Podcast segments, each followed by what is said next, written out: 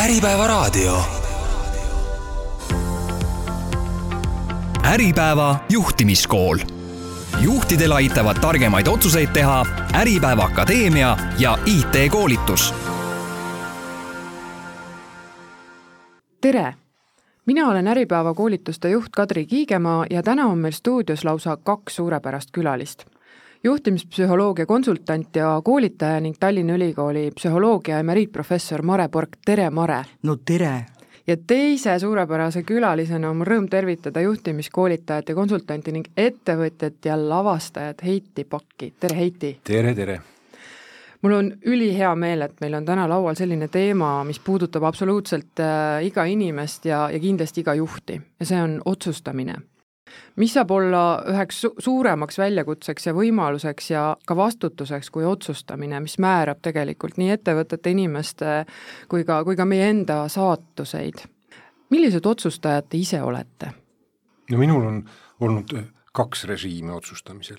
niisugune kiire ja uljas ja siis edasilükkav. et kõigepealt ma olin uljas, aga siis kui ma lugesin Kahnemani raamatut kiirest ja aeglasest mõtlemisest, ma hakkasin enda juures märkama neid kiire mõtlemise tüüpilisi vigu, mis tehakse.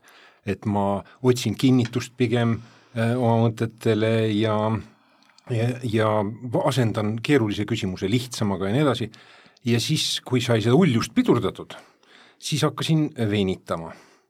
ja nüüd ma praegu liigun selle poole, et leida parem tasakaal siis nende otsuste vahel, mis, mida võibki kiiresti teha, ja siis kuidasmoodi mitte piinelda, vaid ja, ja venitada, vaid siis äh, teha tõhusalt sellist analüüsi vajavaid otsuseid Heidi, sa räägid nii hästi ja see, et sa raamatu järgi hakkasid iseennast ka kontrollima, see on ju juhtimiskonsultandi unistus, et sa hakkad päriselt vaatama, kuidas on. et mina hea meelega ütleks, et ma olen teinud mõned kõige tähtsamad otsused eh, ja nagu elu ja saatust puudutavad, ma arvan, et eh, ma võtsin vastu otsuse, et ma eh, ülejäänud elu hakkan nautima vaatleja positsiooni nii enda kui teiste ja toimuva suhtes. ja, ja täna ma arvan, et, et ka otsustamine eeldab teadvelolekut iseendast nii et see näide, mis sa enda kohta tõid, see juba on tegelikult väga hea. aga et, et see põhimõtteline otsus, et sa proovid olla võimalikult hästi kontaktis iseenda ja nende inimestega, kellega sa tegutsed, et see on üli-ülitähtis, et see otsus, teadvelolek ja lahkus, need on kõige tähtsamad otsused minu jaoks. kõlab suurepäraselt ja, ja kõlab väga äh, väga samasse kanti, kus, kus tegelikult ka suured nii-öelda juhid varasemalt on, on viidanud, et, et otsustamine tegelikult algab ju, ju iseendast ja, ja iseenda positsiooni mõistmisest. Napoleon Bonaparte on öelnud ühe väga toreda marja, et miski pole raskem ja seega väärtuslikum kui otsustusvõime.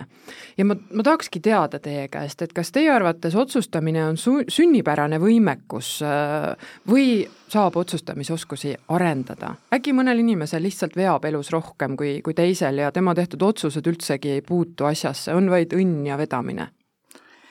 no ma julgeks teilt mõlemalt küsida, et äh, mis te arvate, kumb on tähtsam, kas see, mis sündmused on inimese elus toimunud, kui palju tal seda õnne või ebaõnne on olnud, äh, kas see on tähtsam või on tähtsam see, mis ta nende õnnede ja õnnetustega suudab teha, ehk eh, need sündmused, mis iganes toimunud, kuidas ta nendest mõtleb, mida ta nende eh, suhtes tunneb ja mida ta nendega teha oskab. aga noh, teoorias on meil teada, et eh, nii geneetika kui kasvukeskkond määravad peaaegu kõiki asju, see ei ole, mhm. et see on liiga, liiga triviaalne, aga mis on oluline, et on järjest, on suurenenud see enesejuhtimise osa. et nagu inimene mängib ise üle nii geneetikat kui kasvukeskkonda, nii et seda praegu arvatakse järjest suurema eh, mõjuga ja järjest suurema võimalusena. ja noh, otsustusvõime, kalliksed, olete minuga nõus, et et ta eeldab eh, mõtlemisvõimet ehk me peame igal juhul õppima vaatama, kuidas me mõtleme, sest ega otsustamisprotsess on ju ikka tegelikult üks mõtlemisprotsess ka. mõtlemisprotsessi tulem isegi võiks öelda teatud ja, olukordades. just, just. Heiti, mis sina arvad? ma jäin mõtlema selle peale, mis sa lõpus ütlesid, et et mõnel veab rohkem või õnne on rohkem või see, see teema. et mõnikord see vedamine või õnn võib ka õnnetus olla. näiteks siis, kui sa, kui sa, kui sul vedas, aga sa arvad, et see oli sinu otsus, mille pärast sul hästi läks. ja järgmine kord teed sedasama, aga siis ei vea ja siis läheb, läheb kehvasti ja õnnelikku juhust ei tule.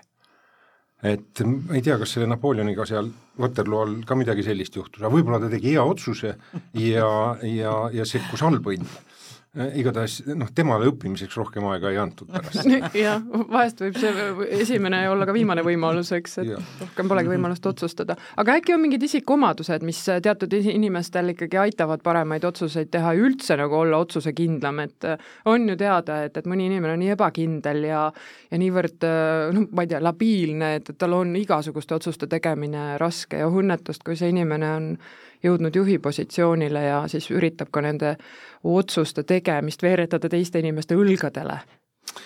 no ma arvan, et kuna otsuse tegemine on, koosneb ju mitmest eh, erinevast komponendist, siis võib-olla need, kes on loomupäraselt kiiremad mõtlejad, need langetavad otsuseid kiiresti mm. -hmm. aga need, kes on võib-olla aeglasemad eh, ja põhjalikumad, eh, nendel tuleb jällegi see planeerimine ja otsuse läbiviimine paremini välja, nii et ma arvan, et need võivad hea õnne korral võivad ennast äh, nagu tasakaalustada, need äh, sünnipärased oskused.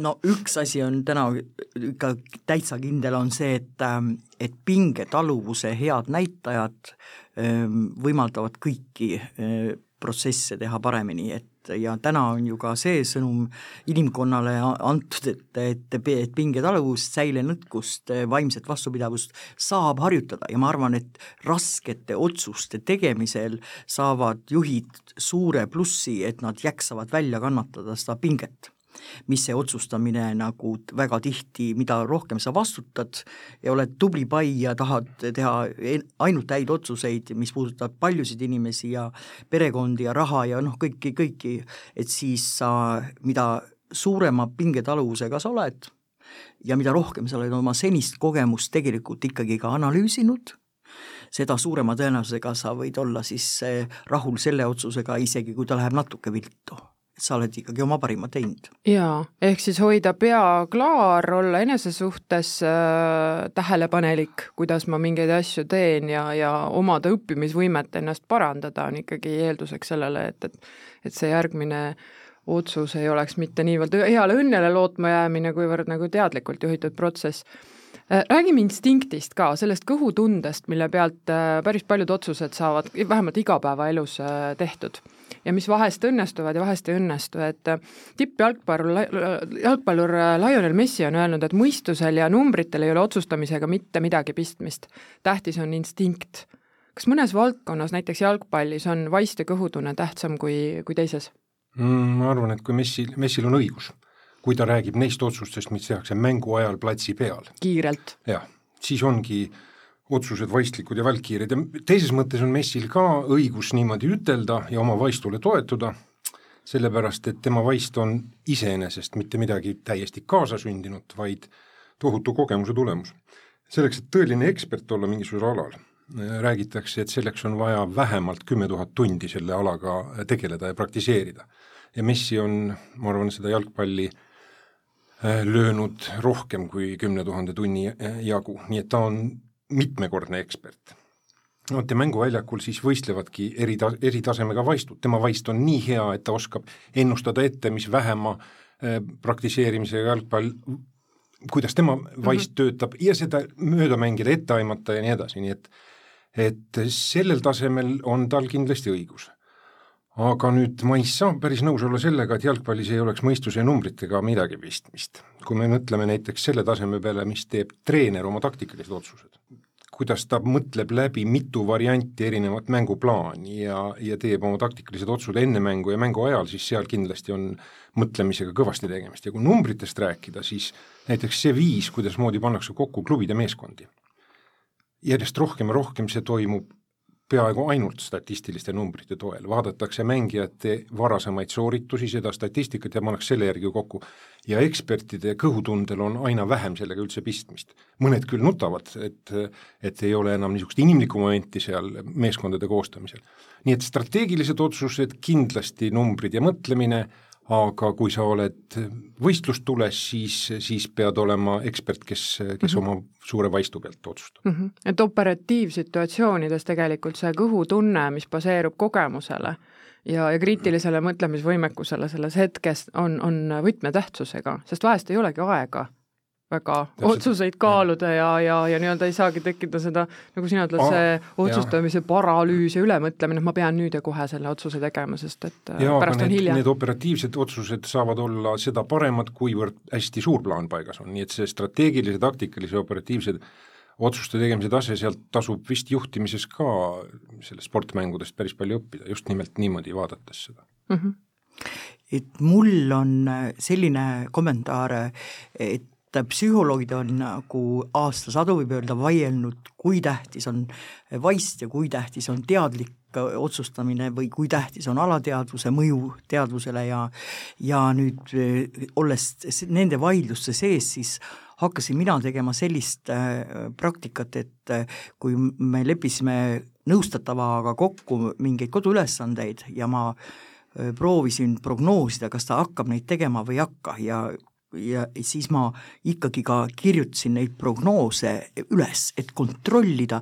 Ja, ja see, need andmed, kui sa näed, millal sa paned täppi ja siis hakkad täpsustama veel, et siis sa sellega ikkagi arendad vaistu, et sa nagu ütleme, tehes märkmeid selle kohta ja olles aus enda e, suhtes võimalikult, et, et saad, noh, inimese käitumise prognoosimine on meile kõigile ju üks lemmik e, tore tegevus, et siis, e, et see aitas hästi palju.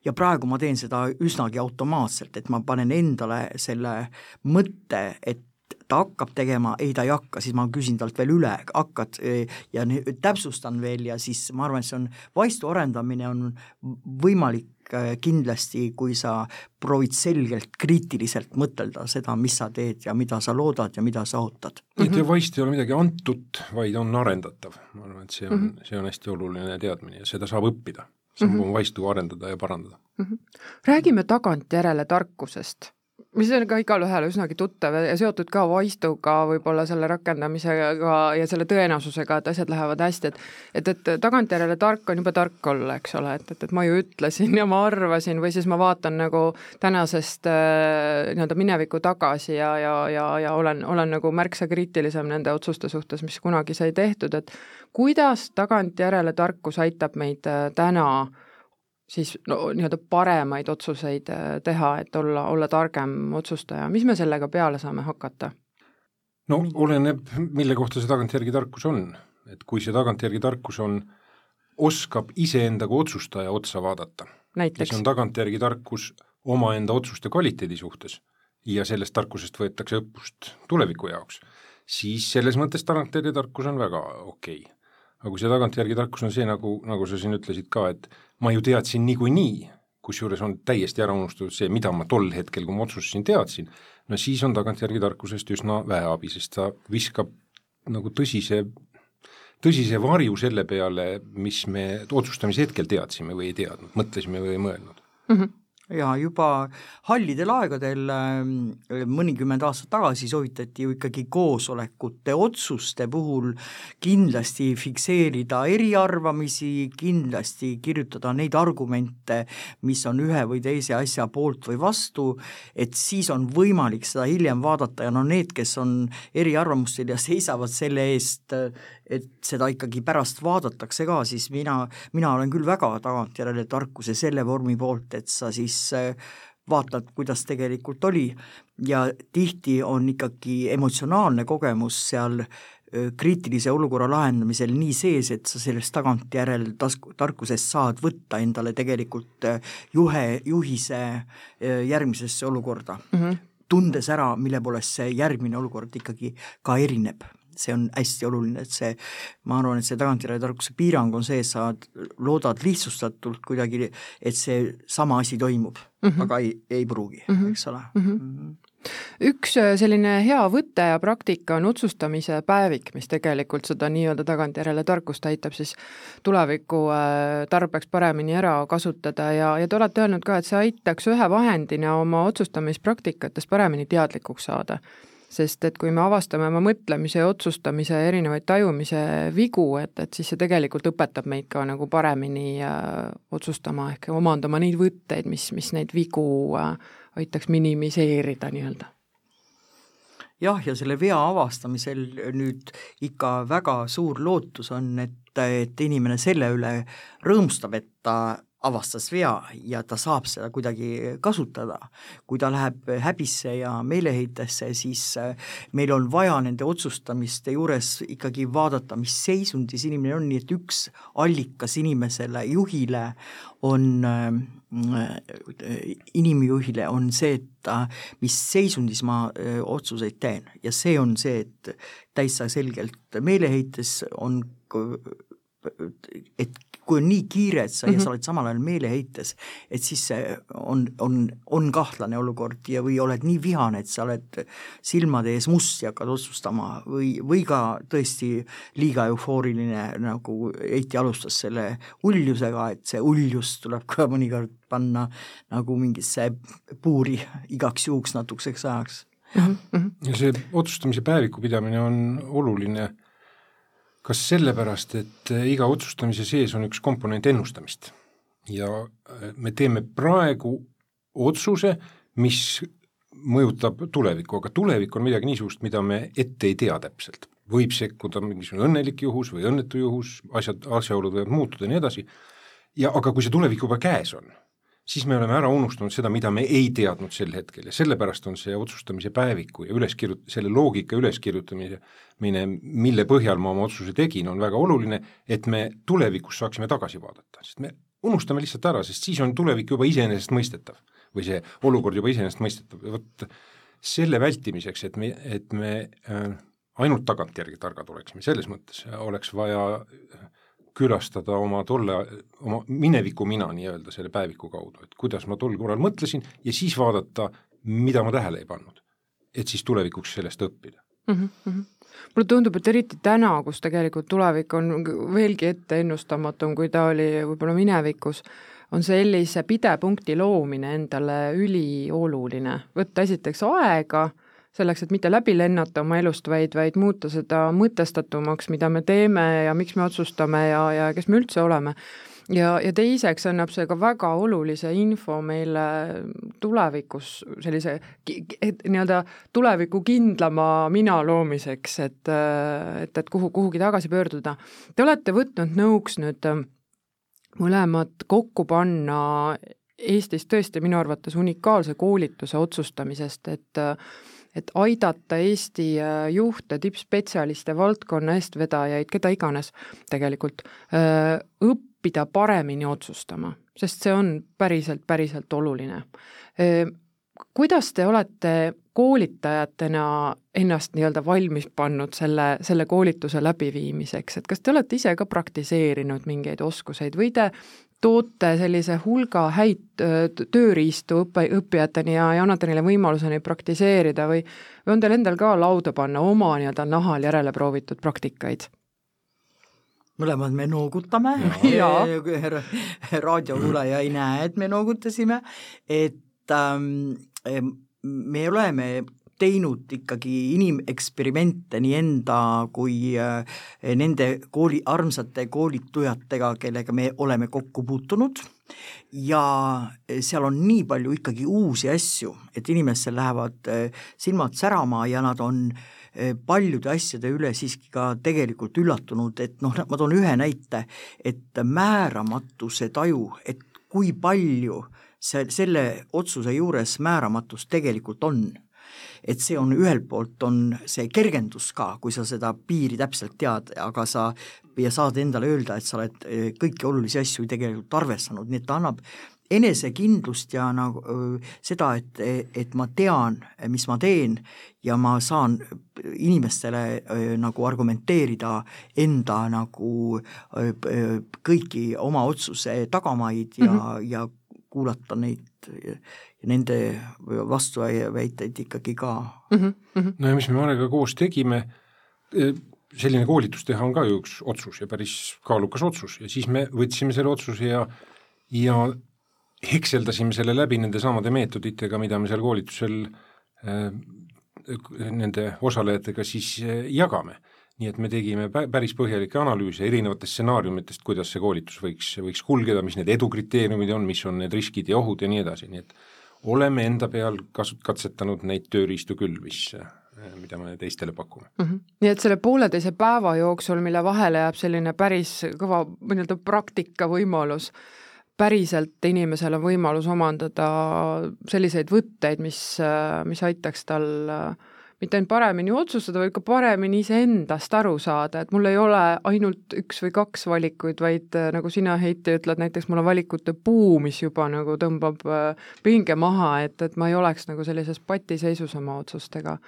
vaid ma näeksin rohkem võimalusi üleüldse nii meetodite, võtete kui ka, kui ka selles situatsioonist nii-öelda paremini välja tulemise mõttes ja üks asi, mida me väga-väga soovime, et sellelt koolituselt kaasa võetakse, on siis see tunne ja teadmine, et alternatiive on alati rohkem, et ei ole alati see sundseis, et ma pean võtma vastu selle otsuse, ma olen sunnitud seda tegema, et võimalusi, nagu võimalusi suurendada, alternatiivi, alternatiive rohkem eh, kavandada ja, ja silmas pidada. Ja vabadust, tähendab, kuna inimene igal, igas olukorras tahab, et tal oleks rohkem vabadust, et siis see alternatiivide hulk ja nende läbikaalumine ja siis äh, kokkuleppimine, et see tekitab nii enesekindlust kui ka seda tunnet, et et tean küll, mis teen ja saan aru mm, -hmm. kui palju ma olen määramatus olukorras ja ja noh, kui sa ütlesid enne, et eks ole, see praegune aeg on niisugune muutlikud, see tähendabki seda, et on väga palju kordi vaja ümber otsustada. ega see, ma arvan, see on lausa uus, ümberotsustamise oskus on ju uus oskus, eeldab teatud teistmoodi mõtlemisvõimet mm -hmm, ka mm. -hmm. et ja et seal on alternatiivide vahel valik, mis muutub ka veel kui ma mõtlen täiesti nagu out of context praegu näiteks gümnaasiumi lõpetajate peale, siis noh, nende jaoks otsus, mida, mida edasi minna õppima, on nagu kohutavalt keeruline. kust ma tean, mis mulle tegelikult kümne aasta perspektiivis võiks meeldida ja nii edasi, et, et mõnes mõttes peaks selline teema olema lausa kohustuslik osa kooliprogrammist et võtta seda tohutut stressi maha nendel noortel inimestel, kes, kes hariduspõllule, kõrghariduspõllule või, või, või mujale või, või tööturule ka jõuavad, et, et see on tegelikult selline mõnes mõttes nagu ellujäämisoskuse osa. aga kümmet aastat ei ole ju ammu juba, et praegu sa iga kahe-kolme aasta tagant teed mingisuguse ametialase muutuse ja seda võib ju öelda, et vali praegu, mis on, pärast sa saad kõiki asju muuta, ülikoolidel on läinud ka paindlikkust suurem, olemas, sa võid neid äh, erinevaid kraade teha üht, üht, teist, teist ja ja noh, see on kõik läinud paindlikumaks, nii et ähm, ja see otsus et, võib olla hirmutav siis, kui sa tunned seda otsust või käsitled seda otsust nii, et kui palju ma uksi kinni tõmban sellega, et kui ma nüüd otsustan. kui mõelda teistmoodi, et kui palju ma uksi avan, mis võiks ka olla üks loomulik hoiak ja. edasi, edasiõppimise puhul, siis muutub selle otsuse ränkus ka võib-olla hoopis kergemaks. jaa kas teile ei tundu, et see on universaalne teadmine meile kõigile, et, et selle asemel, et mõelda, millest ma ilma jään või millised uksed sulguvad, võiks mõelda ikkagi positiivselt ja ja nagu Mare innustab, rõõmustada ka nende võimaluste üle, mis võivad avaneda, kui ma selle otsuse teen. noh, selles kiirenevalt muutuste ajas, nagu me praegu elame, on kõik abituriendid, igal hetkel. absoluutselt, just, me, me teame, mis te tunnete, eks ole ja, ja ega siis võib ka rõõmustada selle üle, et sa mingi jama oskad välja kannatada, et seal on varjatud rõõmu päris palju, et sa mm -hmm. oskad eh, jama ka välja kannatada olgu, kui me saame targemaks oma otsustamise võimaluste ja võtete ja asjade üle, et ehk siis meie teadlikkus on äh, tõusnud ja oleme tublid ja, ja targad, koolitükid kenasti selgeks õppinud, aga me ikkagi kipume aeg-ajalt halbu otsuseid tegema. et äh, mida, mida me peaksime, mis on see üks asi, mida me oma otsustusprotsessis peaks muutma, et, et äh, ei kolistaks järjepanu neid samu ämbreid? no jah üks äh, kindel asi on see, et sa pead oma ärevust äh, saama äh, korda, et kui sa oled nagu selles seisundis, et su noh, me võime ju öelda, et ega me kõik liiga targad ei ole, tegelikult ma ei, see vist võib niimoodi öelda, et siis, kui sa oled kas eh, liiga vihane või liiga hirmunud või ehmunud eh, sellest, mis saab, et siis, siis sul see mõtlemisvõime tegelikult ikkagi eh, läheb kehvemaks. et esimene tingimus on see, et sa vaatad, mis seisundis sa oled sellel hetkel, kui sa neid asju kaalud ja mõtled mm. -hmm ja enne, enne ei otsusta, kui sa oled kindel, et, et sa oled adekvaatne, adekvaatne, see jah. ja üks asi kindlasti on see seisundi kontrollimine, aga teine asi, mida, mida peaks natuke ümber mõtlema, on see, et võib-olla otsustajad või otsuste tegijad keskenduvad liiga palju sellele, mida nad teavad. tegelikult peaks küsima ka seda, mida ma ei tea aga seda on päris raske teha, mida targem ja nutikam inimene sa oled, seda rohkem sa endale kui sisendad, et ma tean juba piisavalt palju ja nendele teadmistele tuginedes, otsides neile kinnitust ja nii edasi, ma need otsused teen, aga tegelikult võiks vaadata neid lünki, mida ma ei tea, selleks, et see otsus võimalikult hea oleks. aga see nõuab natukene teadlikku pingutust, et see ei ole väga intuitiivne. vaadata neid asju, mida ma ei tea, kes see tahab ennast noh, rumalamana tunda või ikka proovitakse endale äh, oma teadmistele kinnitust leida ja sellega võib siis korduvalt neid asju samadele teadmistele tuginedes võib ka neid ämbreid, nagu mm -hmm. ütled, kolistada mm -hmm. mitmel korral. kuidas ülemõtlemist vältida? seda otsustamise või otsustamatuse paralüüsi, et, et, et sa ei suudagi paigast liikuda, sest et seda kõike on nii palju, mida ma ei tea ja mida ma tean ja mis kõik võib juhtuda ja mis ei pruugi juhtuda jäängi sinna marineeruma? noh, selleks tuleb õppida vahet tegema nendel otsustel, mida võibki kiiresti langetada, kus ei ole, ei ole väga suurt vahet, millise alternatiivi sa valid. et kui sul on valida kahe hea vahel, mille puhul inimesed tihtipeale jäävad toppama, et oota, kumb see nüüd veel parem on, siis tegelikult, kui sul on kahe hea vahel valida, vali üks nendest või kui sul on tegelikult võimalik avada neid ta-, äh, tagauksi, et kui see otsus ei ole lõplik uks, ukse sulgemine, siis võib ka otsuse kiiremini teha ja nii edasi, ei pea ennast üle mõtlema, nii et mm -hmm. nende erinevate situatsioonide eristamine, kus võib kiiremini otsustada ja kus peab tingimata tükk aega analüüsima, on mm, -hmm. on tähtis mm. -hmm mis on see üks asi veel, mis te saate lõpetuseks mõlemad tahaksite lauale panna seoses otsustamise teemaga, mis aitaks juba mitte ainult homme, vaid juba täna meil paremaid otsuseid teha? no mina arvan, et ikka on tore saada targemaks ja see, ja ma põhimõtteliselt olen selle ju, va, vanasõna vastu, et õpid, õpid ja sured lollina, ei ole. õpid, õpid ja sured natukene targemana et natukene targemana ja see on suur asi, kui sa nagu õpid oma taju viga ära tundma ja suudad selle üle rõõmustada üks asi, mis head otsustamist hästi palju segab, on see, et jäädakse liiga palju oma arvamusse kinni ja otsitakse sellele pigem kinnitust. ja klišeeks on saanud juba see, et tuleks erinevaid arvamusi kuulata. ja üks nõuanne, mis sellel puhul on, et kui küsida teiste inimeste arvamust, siis hoiduda sellest, et kõigepealt enda oma välja öelda õppida, õppida küsima niimoodi, et ma ise ei ütle, mis ma ise arvan ja siis loodan, et ta ütleb oma arvamuse. ei, siis ta ütleb ainult seda, mis ta arv-, loodab, et, et mina tahan kuulda. ja see käib eriti juhtide kohta, kes peaksid kontrollima seda viisi, kuidas nad küsivad teiste arvamust. jaa. ja kollektiivse otsustamise puhul on see nagu võtmeküsimus tegelikult. ja, ja coaching us seda teatakse kui baasreeglit tegelikult ka, et sa kaasad ja aktiveerid inimese ainult siis, kui sa küsid see on hämmastav, kuivõrd erinev on see, mida me teame ja mida me teeme. teatakse jah, kui baasreeglit, aga tehakse, tehakse ikkagi jah, igat moodi. ja, ja aga me oleme ju kõigest inimesed ja, ja see on väga lohutav teadmine, et, et, et me õpi, õpi, aga sured ikka lollina, vaid et, et meil tegelikult on võimalusi oma, oma elukäiku ja, ja ka teiste ettevõtete elukäiku määrata, kui me oleme teadlikud, meil on eh, nii-öelda pea, pea külm ja, ja silm selge ja meil on eh, kõrvad avali ka selle suhtes, mis infot meil on oluline koguda ja omada selleks, et äh, juhina häid otsuseid teha, et me ei ole need esimesed ja viimased lõplike tõdede ja vastuste teadjad, et et tegelikult see, see info on ju kuskil olemas. aga ootame innuga, väga suure innuga uut, uut koolitust, oskuslik äh, otsustamine et esimene grupp on meil juba täis, nii et, et need, kes tahavad äh, käised üles käärida, et peavad kas, kas siis sügist ootama või järgmist võimalust, et tõepoolest neid häid ja, ja toimivaid praktikaid äh, omandada. aitäh teile, Mare ja Heiti! ülipõnev teema ja soovime kõigile head äh, otsustamisindu ja, ja iseenda nii-öelda otsustamispraktikate arendamise isu. sind on ka rõõm kuulata aitäh kutsumast! aitäh teile, ilusat päeva!